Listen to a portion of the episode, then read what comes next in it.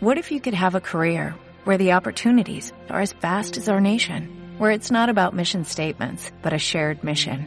At U.S. Customs and Border Protection, we go beyond to protect more than borders, from ship to shore, air to ground, cities to local communities. CBP agents and officers are keeping people safe. Join U.S. Customs and Border Protection and go beyond for something far greater than yourself. Learn more at cbp.gov/careers. Arqueopodcast, el podcast de divulgació del Museu d'Arqueologia de Catalunya.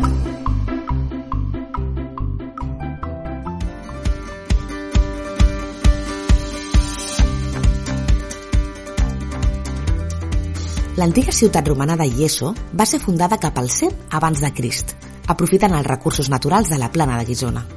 Era un terreny poc accidentat, idoni per l'explotació agrària, i a més comptava amb la generosa presència d'aigua gràcies als rius Sió i Llobregós. Aquest segon factor, l'aigua, va tenir una gran importància en la configuració del seu urbanisme. A Ieso s'ha documentat un potent sistema de clavegaram i d'aigua corrent, i també va comptar amb avançades instal·lacions termals. El Parc Arqueològic de Guisona ocupa una superfície de dues hectàrees de l'extrem nord de la ciutat romana. La visita permet descobrir una espectacular ciutat en curs d'excavació. Avui, a l'Arqueopodcast, us convidem a conèixer aquesta ciutat romana. Ho farem de la mà de David Castellana, director del Museu de Guisona, que conversa amb el nostre company, Aureli Vázquez. Com sempre, us parla Helena Viu. Comencem! Sí, Helena, efectivament, seguim aquesta ruta pels museus i jaciments de, de Catalunya, els jaciments arqueològics. Aquesta vegada hem vingut a, a Guissona per conèixer l'antiga IESO de la mà d'en David Castellana, que és el director del Museu de Guissona. David, bon dia. Hola, bon dia. Estem en un lloc espectacular que té aproximadament dues hectàrees d'extensió. Eh, ara ens explicaràs una mica què és el que podem veure aquí. La plana de Guissona tenia aigua, era un bon terreny per l'agricultura, va ser això el que va despertar l'interès dels romans per fundar l'antiga IESO cap al 100 abans de Cris, aproximadament? Doncs bé, aquesta és la hipòtesi principal. Al final estem en un territori d'Isseca i encara és un territori d'Isseca actualment i així es coneix, però amb l'excepcionalitat de que Guissona, precisament, es troba sobre un llac subterrani, sobre un aquífer, um, que recull uh, les aigües d'un ampli territori doncs, de l'interior de Catalunya i que um, just en l'espai on ens trobem um, surt de forma natural en diversos punts. Vull dir que hi ha una sèrie de fonts eh, naturals històriques que doncs, eh, bueno, haurien aparegut eh, de forma natural i que hi eren doncs, eh, el, el, molt abans de dels romans i que són encara actualment. I a més a més, doncs, aquesta presència d'aigua subterrània feia molt fàcil doncs, això, fer pous i recuperar aigua i com a recurs és un, un indispensable per viure-hi. Com que l'aigua té una importància capdalt aquí, després en parlarem amb una mica més de profunditat, mm, per ubicar-nos a diferents altres territoris, eh, aquí els romans sembla, no està clar, però sembla que van trobar resistència als ibers, no? Com es va resoldre o què en sabem d'aquesta hipotètica resistència? Bé, pel que fa a la, a la presència ibèrica, mm, l'origen d'un doncs, poblament anterior a, a l'arribada dels romans també tindria doncs, a, a la base amb l'aigua, vull dir, en aquest mateix fil, de fet, um, just a tocar del, del, del jaciment doncs, del parc arqueològic de, de la ciutat de Ieso tenim una plaça on, on, on realitzen excavacions um, per descobrir doncs, més sobre aquest, uh, aquests assentaments anteriors. Um, doncs, uh, bueno, coneixem l'existència d'aquest poblat que en principi ara mateix es situa entre finals de, de, del, del bronze i principis del ferro però uh, sembla que va quedar abandonat. És a dir, que no va tenir una continuïtat cap al moment ibèric ple i que doncs, quan arriben els romans no hi hauria una població doncs, d'entitat doncs, ubicada doncs, en, en aquest territori. Però, eh, per contra, al moment que funden la ciutat romana, prenen un nom ibèric, i això en principi tindria un origen ibèric. De manera que eh, la presència o no eh, d'un assentament ibèric eh, ple eh, previ a la fundació romana és un enigma. Per tant, encara és més enigmàtic si va haver resistència o no just al territori en qualsevol cas és una línia doncs, que, que centra la nostra atenció i que realment doncs, això ara mateix s'estan donant, donant a terme doncs, excavacions per poder contrastar doncs, aquesta continuïtat històrica o si els romans van arribar aquí van fundar ex novo um, o no. Aquí tenim una extensió de dos hectàrees aproximadament, oi? Sí, el parc arqueològic eh, ara mateix doncs, eh, són gairebé dues hectàrees i es corresponen a la part nord de la ciutat, és a dir, la resta de la ciutat romana eh, es desenvolupa tot el nucli històric de, de, doncs, de l'actual Guissona Llavors, amb aquestes dues hectàrees actuals es preveu que, que s'augmentin al llarg dels propers anys, um, almenys així ho preveu el Pla d'Ordenació Urbanística Municipal, i llavors superarem les dues hectàrees um, i, bueno, d'aquest espai urbà de l'antiga ciutat de Ieso i això va ser una, una ciutat significativament gran per l'època, no? Ara ja sé que la, la comparació amb Barcelona és molt actual, és molt segle, eh, és, és molt contemporani, en aquella època no tenia tant de sentit, però per posar-nos en context eh, era, era una ciutat més gran que l'antiga Barqui, no? Doncs sí, el, també s'ha de dir que amb, certs dubtes, perquè ja, ja no, no tenim una certesa doncs, absoluta de les dimensions um, globals de la ciutat, però les, les xifres que es barallen serien entre 15 i 18 hectàrees d'extensió, vull dir que una ciutat mitjana, bueno, petita mitjana, um, però dins del context català doncs prou rellevant. El, el fet és que tampoc sabem si la, la, aquest, aquest perímetre doncs, que, es, que, es, que es defineix al moment de fundació de la ciutat es va arribar a ocupar la, la seva totalitat o si van haver parts doncs, que no van quedar urbanitzades, però del que sí que tenim constància és que almenys doncs, a, a una època imperial existir doncs, l'espai aquest urbà eh, doncs, més o menys eh, a la zona nord sí que estava ocupada i fins i tot existien eh, estructures fora del, del límit de muralles. Vull dir que a partir d'aquí la resta doncs, per ara doncs, és tot fruit d'interpretacions o de, o això, d'aventurar hipòtesis. En tot cas, no estem parlant d'un petit assentament, no? L'estructura i això seguia, entenc, l'estructura habitual de les ciutats romanes, no? El Cardo Maximus, el Decumanus eh, Maximus, espais eh, públics, religiosos, funeraris... Com era, en definitiva, aquesta IESO de fa uns 2.000 anys?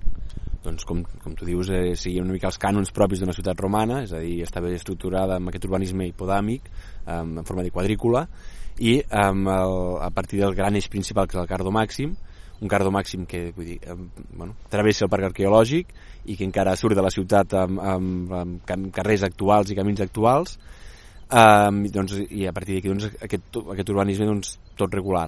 Amb la peculiaritat de que la ciutat no tenia un perímetre regular. És a dir, tot i que estem en un territori molt pla i que en principi doncs, no hi ha grans accidents geogràfics la ciutat era poligonal i això provocava algunes adaptacions a nivell urbanístic per adaptar la quadrícula amb la, amb, amb la realitat del perímetre de la ciutat, el qual és, resulta curiós i de vegades és interessant fins i tot perquè eh, bueno, tant dues sorpreses Quin, quins altres elements tenia l'estructura d'aquesta ciutat romana?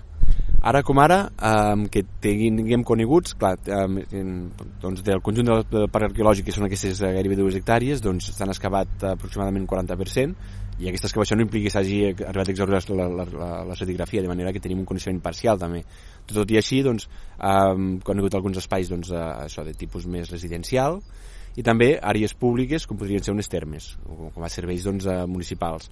Llavors, fora del perímetre de muralles i per tant fora del parc arqueològic, hem detectat la presència d'alguns espais industrials, eh, també de, de, del que s'interpreta com un hostal, és a dir, que tenim diferents tipologies d'estructures eh, i diferents tipus d'espais de, de, de on marcaven la, el funcionament de la ciutat.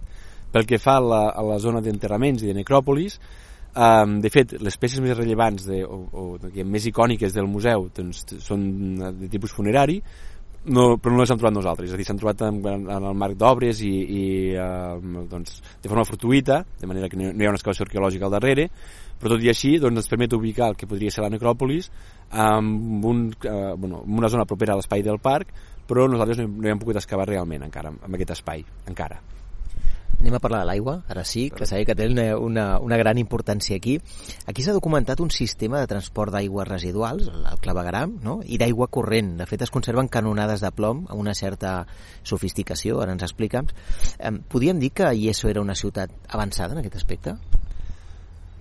Clar, podem considerar que era avançada si ho comparem doncs, amb que l'aigua corrent és un, diguem, és un servei que no recupera fins fa relativament poc. Eh, llavors, no era més avançada que les altres ciutats romanes, al final clar, hem, de, hem de considerar doncs, que el món romà evoluciona doncs, eh, de forma col·lectiva, perquè es creen uns models que s'exporten i que es van reproduint doncs, a, a totes les ciutats, de manera que Guissona, i eso, en aquest cas, no, era un, un, no quedava al marge d'aquesta evolució, sinó que, que en participava de manera que de la mateixa manera que hi havia canonades i clavegueres aquí a Guissona i eren amb les altres ciutats romanes.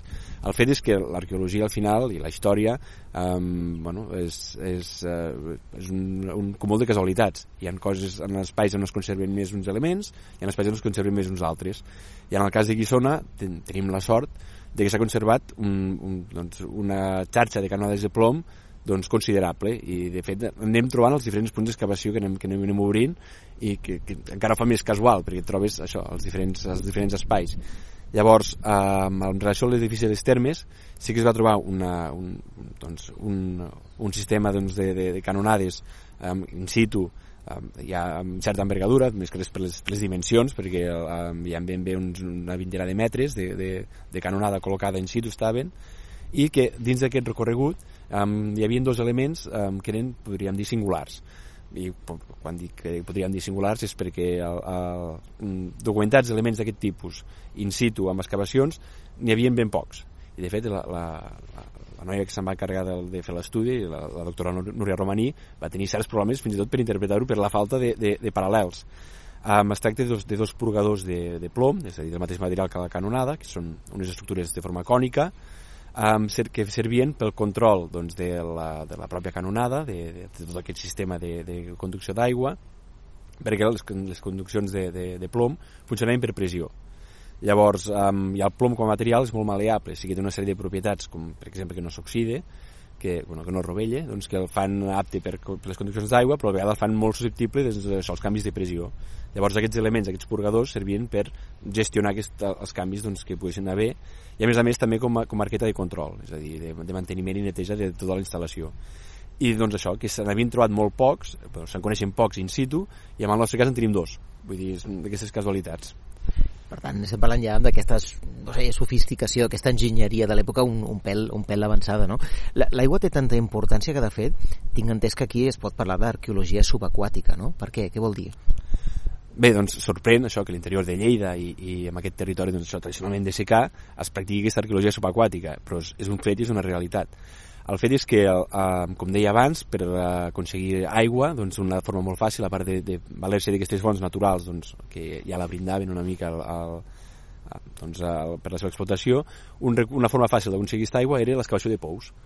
Llavors, el fet és que aquests pous, clar, els excavaven però anaven vinculats doncs, a la resta de la ciutat, als, als elements doncs, que eren coetanis, i per tant tenien una vida, igual que els altres elements. Quan un pou deixava de funcionar, perquè deixava de funcionar doncs, el, el, el sector on estava, o perdria la seva lògica, doncs es convertia en, en, en un forat um, que havia de, ser reomplert perquè, doncs, uh, o perquè suposava un risc o simplement perquè s'omplia de forma natural per abandonament o el que s'escaigués sigui com sigui, clar, aquests pous doncs, que, que havien excavat antigament i que s'amortitzaven, és a dir, s'abandonaven, doncs quedaven plens de, de, de sediments que o bé podien ser aportats o, o això, que s'haguessin donat de forma natural, però el material que va, que va quedar enterrat va quedar, doncs, s'ha mantingut dos, dos mil anys submergit.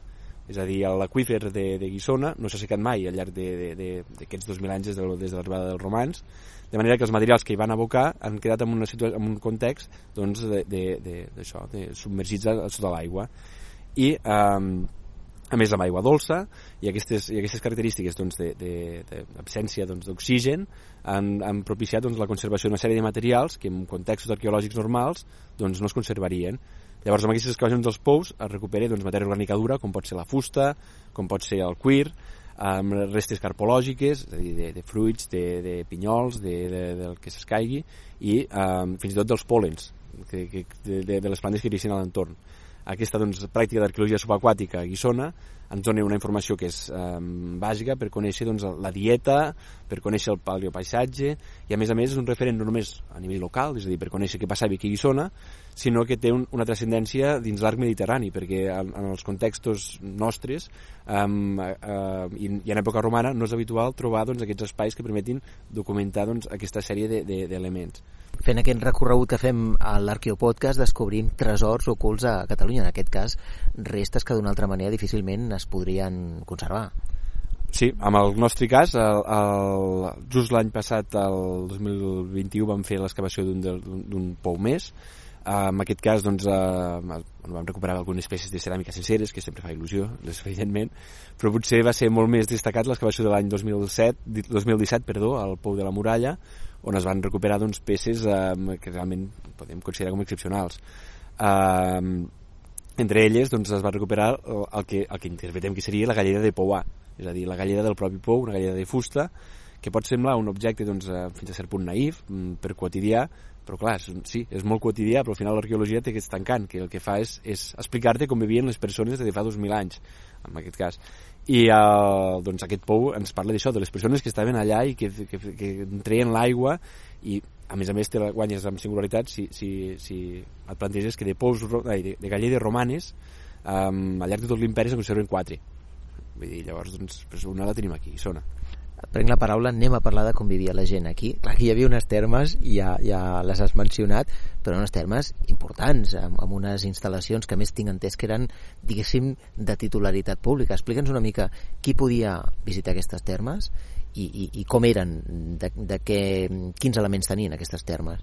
Bé, les termes de Yeso, uh, per les seves dimensions, uh, es consideren que serien això, públiques, que no, no es tracta d'unes termes privades, Llavors, eh, les termes han de considerar que és un paradigma de romanitat, és una mica és un dels edificis que mm, descriu la, la forma de viure dels romans.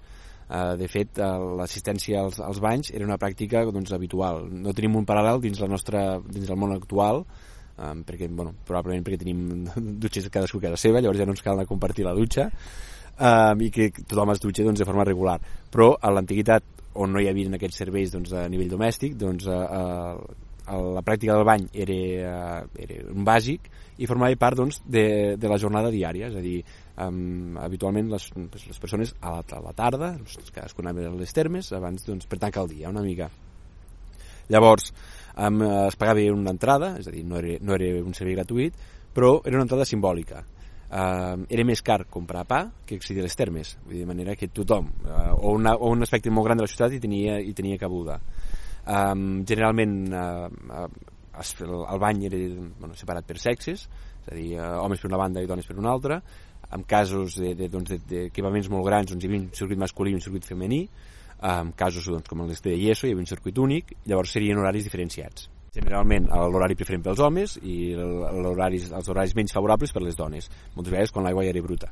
Escolta'm, aquí teníem instal·lacions d'aigua calenta, d'aigua tèbia, d'aigua freda, zona de natació, oi? Eren unes, unes autèntiques piscines municipals, diguéssim, no? Bé, com a edifici, llavors, eh, també hem de parlar d'un edifici complex, les termes de Yeso, perquè s'hi sobreposen diverses fases. Llavors, la fase republicana pràcticament està eh, totalment alterada per les fases posteriors i la coneixem només amb alguns punts concrets. Llavors, la fase que coneixem amb més extensió seria una fase de, de, de voltant de l'any 50, després de Crist, i a sobre hi hauria una última gran fase que pràcticament ha desaparegut, perquè està amb, una cota més alta i doncs l'acció agrícola doncs, de, de, de, dins del territori abans doncs, de la, la recuperació del jaciment doncs una mica la, la va fer desaparèixer. L'acció agrícola i també l'espoli sistemàtic eh, de, de, dels materials en qualsevol cas, el que coneixem doncs, bàsicament de la fase 2 ens, doncs, ens situa un edifici doncs, d'unes doncs, dimensions considerables i que comptava amb tots els, els serveis indispensables. Sembla que tindria dos, eh, dos apoditeries, ai, sí, dos apoditeria, que serien els dos vestuaris, llavors un atri distribuïdor, que eh, conduiria cap al que seria tot el circuit de bany, amb el frigidari, és a dir, l'habitació dels banys freds, llavors dos tepidaris, un eh, sense calefacció i un amb calefacció, i llavors hi ha el caldari un caldari que seria de grans dimensions i probablement amb, el, amb alguna petita piscina doncs, també calefactada. Llavors, doncs, l'espai fúrniums, el, la palestra com a espai doncs, per, per practicar l'exercici físic, aquesta palestra més amb una natatio de dimensions ja considerables, és a dir, una piscina exterior per nedar, i finalment doncs, el, que, el que no podia faltar a les termes, unes latrines. Quanta gent vivia a Ieso aproximadament, ho sabem? El, clar, com, com que tenim, eh, no tenim unes dades eh, exactes pel que fa ni les dimensions de la ciutat, ni podem assegurar que la ciutat estigués totalment ocupada, en aquest sentit hem de tenir present que Guissona doncs, eh, presenta una, una, un, una inclinació de sud a nord, i la zona sud és la zona que tenim eh, menys coneguda perquè bueno, ha estat diguem, les intervencions medievals i modernes han tingut una incidència molt més gran pel que fa doncs, als restes arqueològics anteriors. Llavors, en aquests espais no podem saber exactament doncs, el, el grau d'ocupació que hi havia, és el que contava abans. Um, de totes maneres, per les dimensions, um, hi ha uns càlculs que, que a partir de les, de les hectàrees d'una ciutat estableixen un, uns, com uns barems. I uh, doncs la ciutat de Yeso podria rondar els 5.000 habitants en cas de que està totalment ocupada i tot plegat. 5.000 habitants, que era una, una ciutat gran considerable, tinguem en compte que ara Guissona en té 7.000, vull dir que, que tampoc no estem tan lluny, no? No, no. Um, avui es conserven les restes d'una casa senyorial, oi, del segle I, II, després de Cris. Quina, quines, eh, que és, que és on som, em dius, no? Quines pistes ens dona aquesta casa? És dir, ara estem asseguts tu i jo en, sobre aquesta casa senyorial, no? Mm -hmm. Doncs bé, d'aquesta casa, el, el fet és, el, com el cas de les termes, eh, també és una casa doncs, que presenta la seva complexitat perquè és el fruit de l'evolució d'una casa anterior.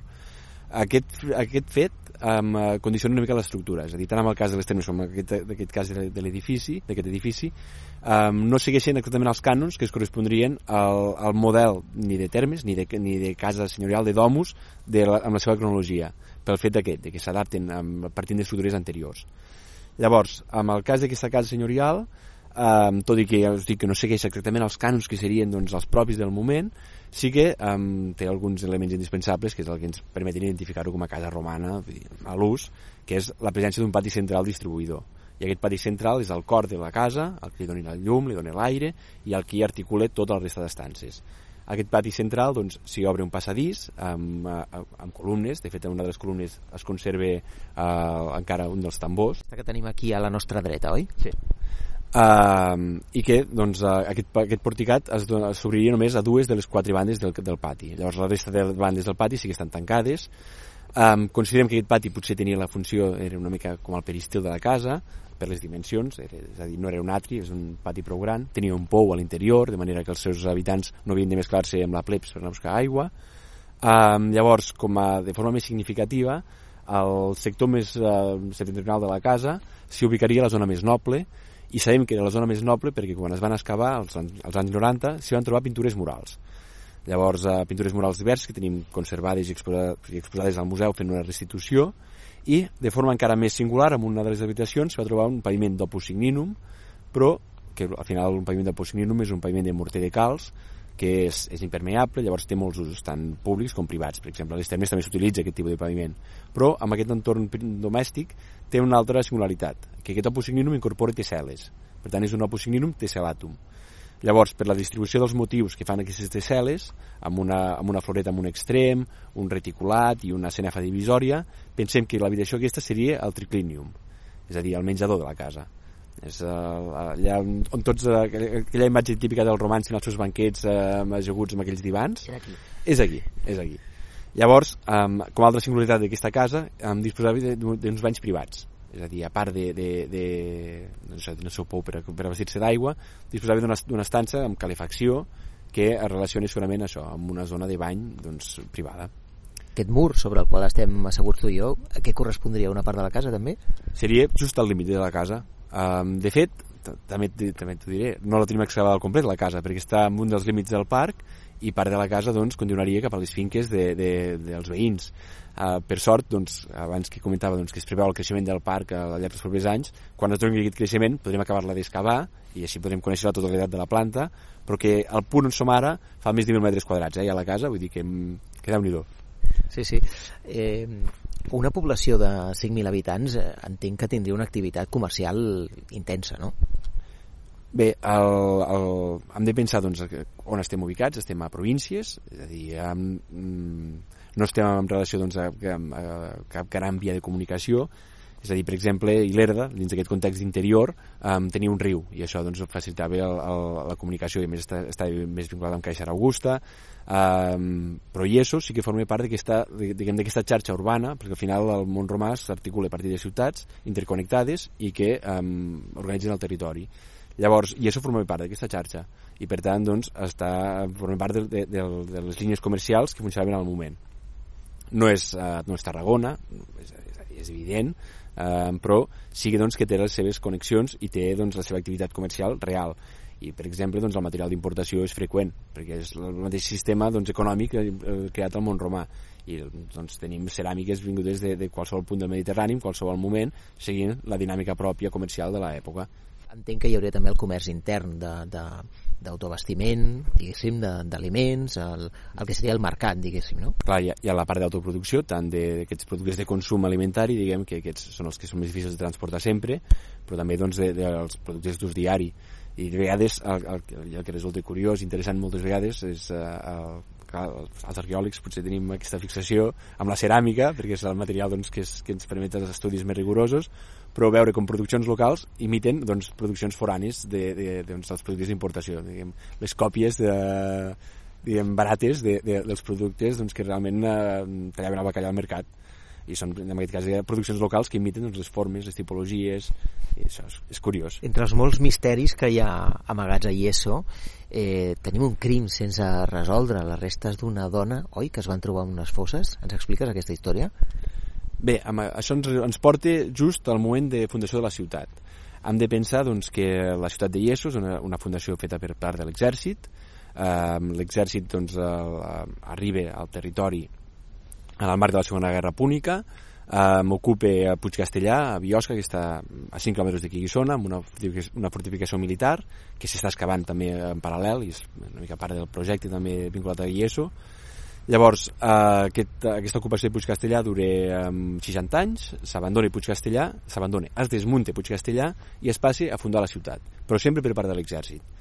Llavors, eh, la fundació de la ciutat es donaria en el moment en què la República Romana passe a ocupar el territori d'una forma diferent, passe doncs, d'aquesta ocupació de control de tipus militar a una colonització urbana, és a dir, a crear ciutats eh, per, per fer doncs, això, per portar a un següent pas aquesta ocupació de, de la nova província i donar-li forma real.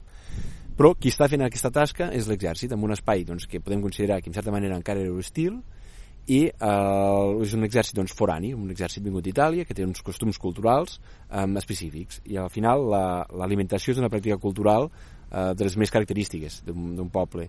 De manera que aquest exèrcit el que fa és in, doncs, intentar reproduir la seva forma de vida ni que estigui en un territori eh, llunyà.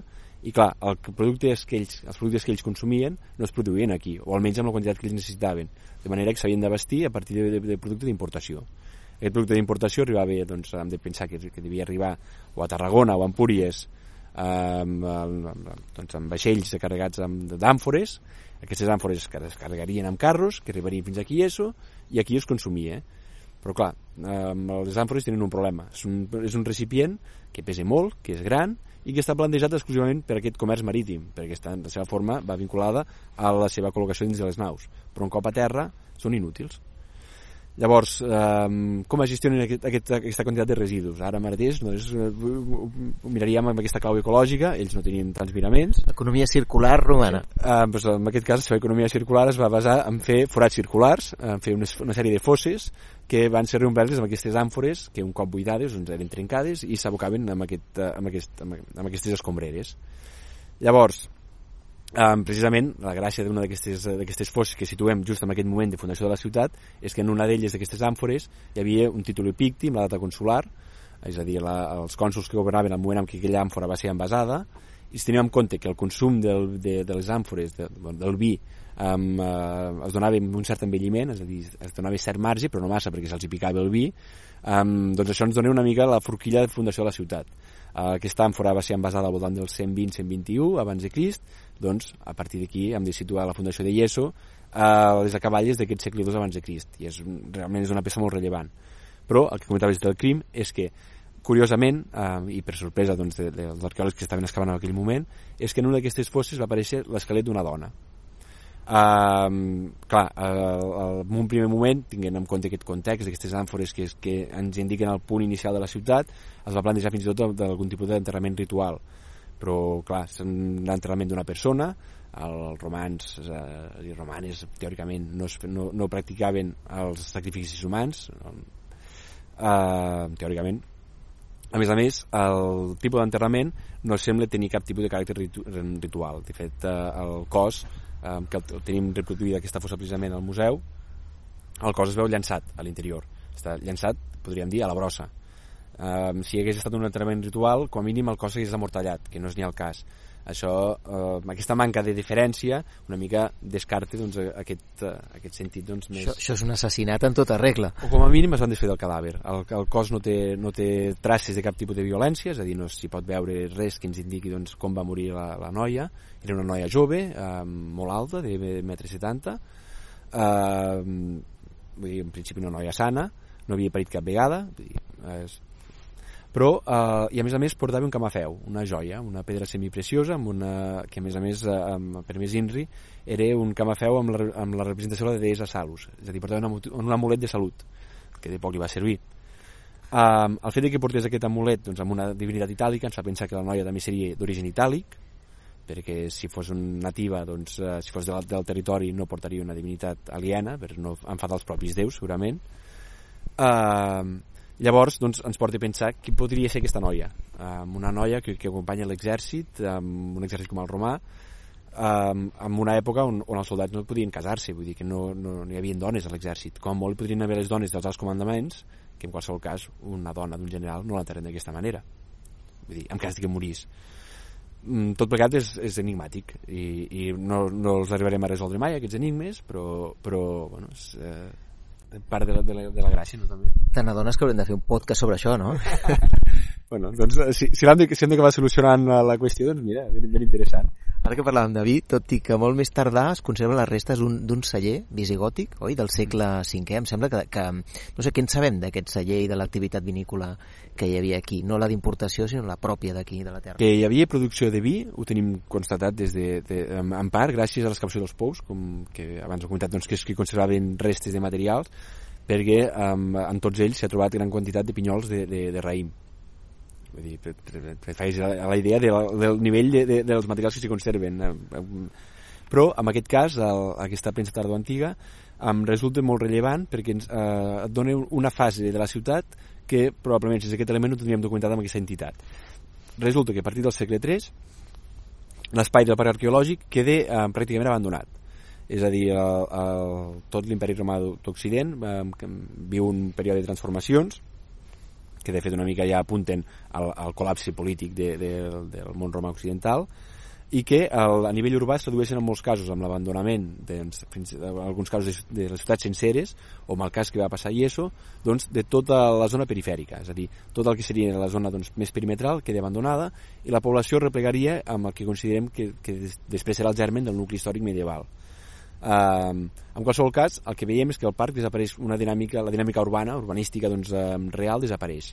I um, que es va convertir progressivament en un camp de runes, un espai on es va saquejant, que es van recuperant materials, s'hi fan sitges, i de cop, um, de fet, aquesta, aquest celler tardó antic va, es va descobrir de forma sorprenent perquè es va, um, quan es va trobar el que es buscava en realitat era el cardo màxim és a dir, es va fer una excavació seguint una mica el, el, el coneixement que tenia al moment de l'espai del Cardo per, uh, per doncs, poder veure doncs, l'empedrat, l'ample del carrer, tot plegat, i enmig del que seria l'antic carrer doncs, de representació de la ciutat hi va, hi va aparèixer el cub uh, on, uh, on trepitjaven el raïm doncs, per fer aquesta primera premsada. Llavors, les antigues uh, part de, de, del, dels patis de la casa senyorial es, en aquest moment es van transformar en l'espai on hi havia una premsa de cargol per acabar de premsar uh, les pillofes doncs, de, de, del raïm. De manera que és una re, reutilització tardana d'un espai que abans havia estat urbà, però amb, amb la singularitat d'això, de, que, de que algú, segurament un prohom de la ciutat, decideix que l'antic Cardo Màxim és el lloc idoni per posar-hi un cub per, ençar el raïm. Ah, parlant de, de descobertes, de, de troballes, en, acabeu de fer fa unes poques setmanes, per tant estem d'enhorabona, un, una excavació mm, al Vell Pla, em sembla, que ha donat resultats interessants, no? Sí, el, abans que, que comentàvem, doncs això de que el, el, a nivell doncs, cronològic el, el, sí que situa una ciutat romana de Ies com una fundació ex novo, perquè no tenim la constància directa d'una ocupació ibèrica um, de, de, en el període ibèric ple anterior dins del territori. Però és això, sí que sabem que el, el mateix espai on hi hauria l'antiga ciutat, o almenys una petita part, um, bueno, una petita part, en principi era un poblat d'una hectàrea i mitja dues, vull dir que prou gran per l'època, hi hauria un poblat del bronze finals, uh, de, finals del bronze i principis del ferro. Llavors, el fet és que aquest, aquest, aquest, bueno, aquest, aquest poblat es desenvolupa dins d'una plaça i aquesta plaça, doncs, a, a l'Ajuntament actual, que té una accessibilitat doncs, real per al patrimoni, eh, doncs ens ha permès fer una, obrir una, una cata per anar, per anar fent excavació arqueològica per poder mm, conèixer més d'aquest poblat. Um, doncs hi ha dubtes reals de si aquest poblat doncs, té una, una continuïtat en el, en el món ibèric i llavors, clar, qualsevol excavació que es fa en aquest espai uh, doncs una mica ens té tots, tots pendents de veure si, si trobarem el, el que ens confirmi aquesta, aquest, aquesta continuïtat d'ocupació d'entre aquest uh, moment protohistòric fins a l'època romana i doncs uh, just, just això, fa 15 dies uh, vam estar excavant i de fet uh, la, la setmana que ve um, es, es reprenen les excavacions vull dir que és un espai actiu dins la recerca arqueològica a Guissona. Algun resultat concret, alguna cosa que us estigui sorprenent de moment? De moment, el que hi ha, hi ha el resultat doncs, que d'entrada impulsa a que, a que la, la investigació arqueològica continuï és la potència arqueològica. Estem parlant de 3 metres de, de, de, de nivells arqueològics eh, sobreposats. Era un espai que històricament doncs, havíem plantejat que era un turó natural i el que estem veient és que és un turó arqueològic, vull dir, perquè 3 metres de potència és, és una brutalitat. Mm, David, al Museu de Guissona feu un munt d'activitats també lúdiques, familiars, les clàssiques visites guiades, evidentment, però també visites teatralitzades, un escape room, tallers eh, experimentals amb vi, un concurs de microrelat... Mm, entenc que l'objectiu és arribar a un públic cada cop més ampli, no? Quines activitats teniu? De totes aquestes que he enumerat o d'altres, quines teniu en marxa actualment? Bé, el fet, l'objectiu últim d'un museu, de qualsevol museu, eh, si arqueològic o no, és tenir una funció social dins de la pròpia població. I això implica eh, buscar una, una incidència dins de la població i convertir-te en, en un agent cultural actiu i de referència. Llavors és, és eh, eh, superar doncs, l'estigma dels museus com a espais elitistes i avorrits eh, per, per, no, per, per convertir-te en, un, en un dinamitzador cultural doncs, eh, actiu i, i això i, i dinàmic per eh, la redundància i en aquest cas doncs, eh, una de les vies per aconseguir-ho és, és diversificar. Llavors eh, comentaves respecte això al, al, al, al parc arqueològic actual doncs disposem de, de, de molts models de visita diferents que van des de la visita autònoma amb l'audioguia amb la, a la guiada doncs, típica el, o, o això o, o amb, el, amb el Titus i el Cornelis que fan, que, que fan una seva, la seva visita doncs, teatralitzada o hi ha l'Escape Room, que és, va ser una de les novetats que vam, que vam presentar a la Festa Major de l'any passat, que és una forma doncs, de, de, més destinada potser a públics joves, que potser encara els hi costa més accedir a aquests espais patrimonials, doncs una forma de conèixer el patrimoni a partir doncs, de, de, de resoldre enigmes. Um, es va desenvolupar amb l'empresa Ludi Artis, um, vull dir que és un producte D'enigmes en teniu molts aquí, eh? Sí, sí, sí.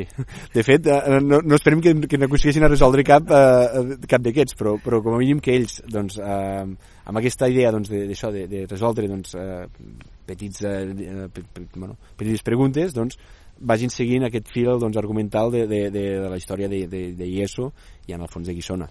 Et proposo, ara que hem fet un repàs global sobre el museu, sobre el jaciment, sobre l'antiga IESO, que anem a veure ara una peça concreta del museu, eh, un genet, també bueno, una peça enigmàtica que ens dona molta informació i a partir d'aquí conèixer una miqueta més encara com era l'antiga IESO i els seus costums. Doncs fantàstic, de fet anem a veure una de les peces icòniques del museu i de, del jaciment i de Guissona.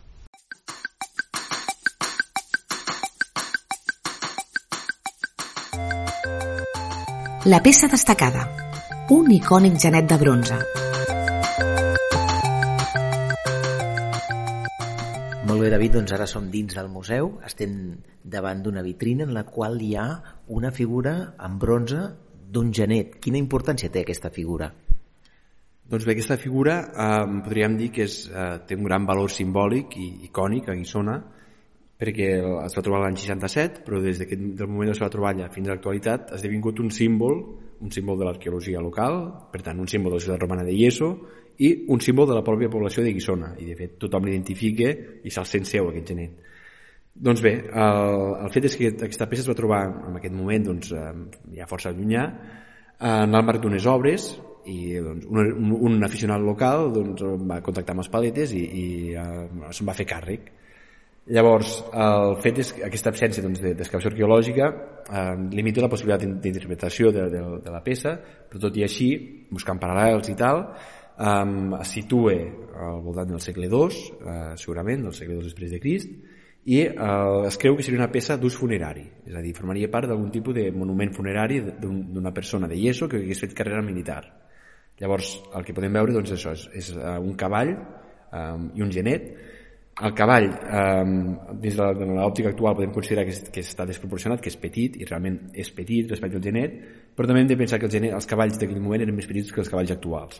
Però bueno, en qualsevol cas sí que hi ha una certa desproporció, um, i tot i que es tracta d'una peça de, de, de reduïdes dimensions, té un alt, uh, un alt grau de, de, de detallisme. Està fet amb dos motllos diferents, tant el genet com el cavall, és a dir, són dues peces diferents, uh, van separats, podríem dir, i uh, són fetes de fosa de bronze. Llavors, eh, si s'observen amb detall, es pot veure doncs, com el genet, eh, es pot veure doncs, els detalls de la cuirassa, una lòrica esquamata, el, doncs, les faldilles com volen el vent, les sandàlies, el, la seva mà en posició d'atac aguantant un gladius i amb l'altra doncs, aguantant les regnes del cavall i el cavall eh, a, la, la, a la seva banda doncs, el galop eh, s'hi poden veure fins i tot les venes, la musculatura vull dir, el, el treball és, és realment un treball eh, anatòmic molt ben fet Llavors és una peça que està feta només per ser, vista d'una banda, és a dir, per la banda del darrere no està acabada de treballar. De fet, el genet només té una cama. L'altra cama no hi és perquè segurament d'haver enclastat això el, dins d'aquest monument funerari o aquest hipotètic monument funerari. Sabem qui podia ser aquest genet? Representava realment algú o era simplement una figura? Probablement era, era, doncs, no era un retrat pròpiament, sinó una imatge simbòlica d'aquella persona. És a dir, pensem això, que tenia aquest ús funerari i que podria ser una forma doncs, de, de, de referenciar aquest passat militar, però que no creiem que fos el retrat estricte d'un individu. No sabem, evidentment, el nom, perquè ja us dic que vam trobar-lo fora de context, per tant, deslligat de, tipus, de qualsevol tipus de, de monument. Sorprèn la, la plasticitat, la, la, la part artística, el nivell de detall, com deies tu, entenc que això no podia fer eh, qualsevol, era un artista mm, consumat? Um, en qualsevol cas, vull dir, era un artista professional, és algú que es dedicava el, tant per coneixement de la tècnica com per la capacitat d'això de plasmar aquest realisme, aquest moviment i, i, i, un, i aquest segon, perquè al final això és un, un, un soldat al galop.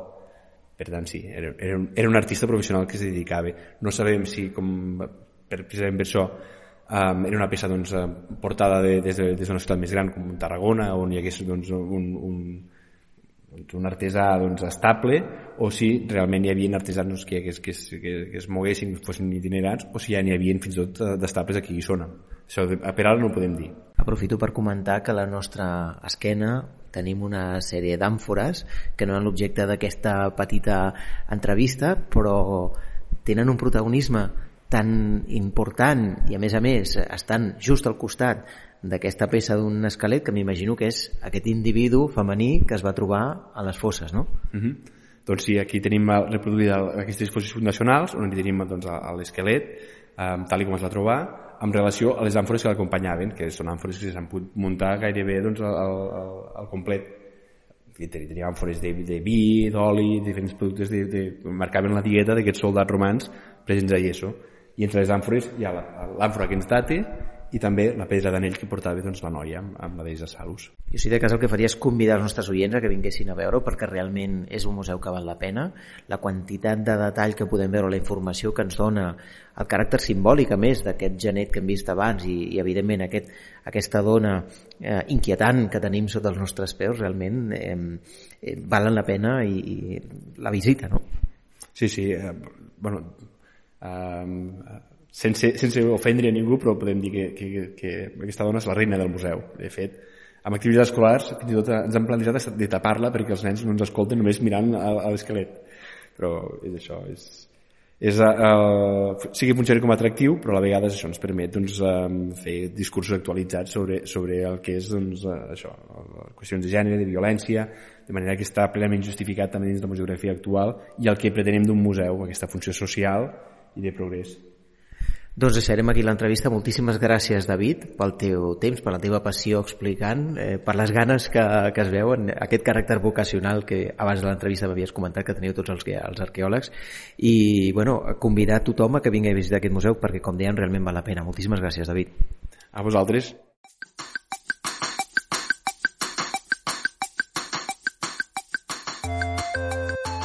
Lèsbia, un testimoni atípic de l'amor entre una mare i una filla a Roma.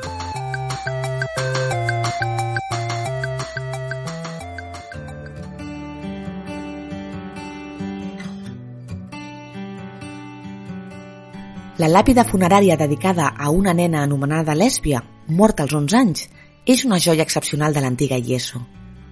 El text està redactat en vers i conté unes sentides paraules de la seva mare és un dels pocs exemples d'aquest tipus de record que es coneixen a tot el món romà. La inscripció és un text dialogat que devia formar part d'un monument funerari situat molt a prop de la ciutat. Per les característiques epigràfiques, es pot datar entre finals del segle I i principis del segle III després de Crist.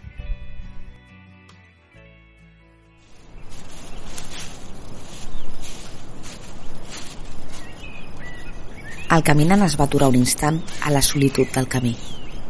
El sol del migdia brillava amb intensitat aquell dia d'estiu. Amb el palmell a la mà sobre els seus ulls, va mirar l'horitzó i va contemplar les muralles del seu destí, la ciutat de Yeso. Pels déus, quines ganes d'arribar, va exclamar.